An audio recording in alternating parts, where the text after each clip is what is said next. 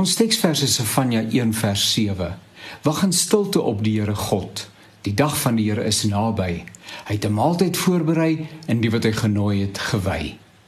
Mense verskil van mekaar en ons moet dit raak sien en waardeer. Sommige mense het 'n baie rustige geaardheid. Hulle loop stadig, praat stadig. Hulle is beredeneerd, georganiseerd en gedissiplineerd. Wonderlike karaktertrekke om te hê. Ander mense is weer so besig soos bye. Dit lyk asof daar geen gebrek aan energie, kreatiwiteit en vermoëns is nie. Skaars is die een saak afgehandel of die volgende projek is op die tafel.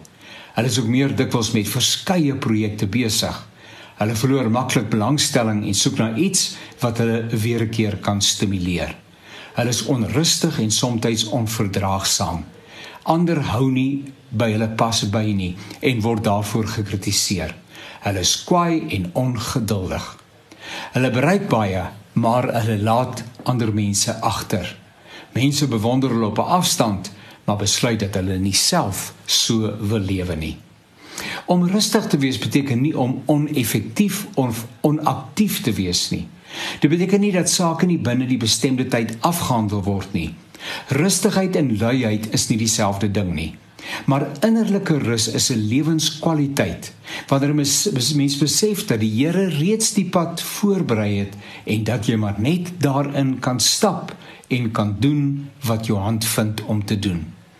'n Onrustige mens verklap die onrustigheid van sy eie gemoed.